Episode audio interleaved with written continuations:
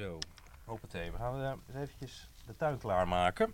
Het is eigenlijk nog veel te donker, maar dat is eigenlijk het perfecte moment om de silo's bij te vullen. Deur achter ons dicht gedaan. We staan in je tuin. Ik zie een voedertafel. Ik zie een aantal voederkolommen.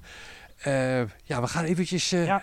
bijvoeren. hè. Ja. Even het voer zoveel mogelijk neerleggen. Ik zie dat er een paar eh, kolommen leeg zijn. Ja, precies. Deze is nog niet helemaal vol.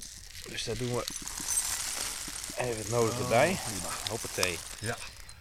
Ik heb er zelf nog een plankje onder gefabriceerd. Want die vogels zijn niet de netste eters.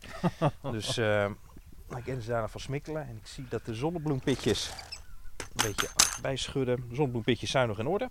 De pinda's zijn in orde. Dus eh, nou moet het eigenlijk alleen nog maar licht gaan worden. Jij hebt je tuin, Ruben Vermeer, ecoloog bij Natuurmonumenten, echt helemaal ingericht eh, voor de vogels. Hè? Ja, ja, we proberen toch wel eh, zoveel mogelijk met inheemse planten inderdaad. Eh, en ook zoveel eigenlijk ja, dat we misschien ook niet hoeven bij te voeren. We hebben teunisbloemen hier staan. Dat vinden de putters vinden dat heerlijk. We hebben fruibomen eh, voor de lijsters. Ehm, ja, allerlei eh, eh, planten die gewoon zaden in de winter geven. Eh, en daar proberen we toch een beetje mee de vogels naar de zin te maken. Ook in de winter. Want een tuinvogeltelling, die moet je eigenlijk een beetje voorbereiden. Hè? Wil je inderdaad ja, op ja, zoveel mogelijk vogels in je tuin lokken, want dat doe je uiteindelijk toch wel, zul je toch moeten bijvoeren inderdaad. Ehm, want ja, natuurlijke wijze gaan vogels natuurlijk zelf scharrelen naar voedsel. Eh, maar vinden ze lang niet meer altijd genoeg voedsel bij elkaar. Eh, en met name in, ja, in stedelijk gebied ehm, zijn dit soort voederplankjes eh, dan de uitkomst voor die vogels. Als ik om me heen kijk in het donker, maar gelukkig is jouw achterlichtje is, Ja. is aan, dus we kunnen een beetje wat zien. Ik, ik zie veel voedertafels met veel zaadjes en pitjes, maar ik zie helemaal geen, geen vetbollen. Nou, achter je. Oh. Die, eh, ja, het is natuurlijk nog een beetje donker. We zijn onderdoor gelopen. Zit een, eh, ja, wat is het? Een, een dakje met daarin twee potjes eh, met pindakaas. Van die vogelpindakaas. Eh, daar zit geen zout in. Dat is nog overigens wel een belangrijke. Gebruik geen gewone pindakaas voor in je tuin. Daar zit veel te veel zout in. Ehm, en die pindakaaspotten vinden ze eigenlijk veel lekkerder dan, dan vetbolletjes. Dus, en op deze manier, nu ik hem zo ophang, zorgt er ook voor dat de katten die we hier in de omgeving hebben, niet aan de haal gaan met die bolletjes. Dus eh, hoog en droog eh, hebben we zeker wel wat vet eh, voor de vogels. Nou, benieuwd.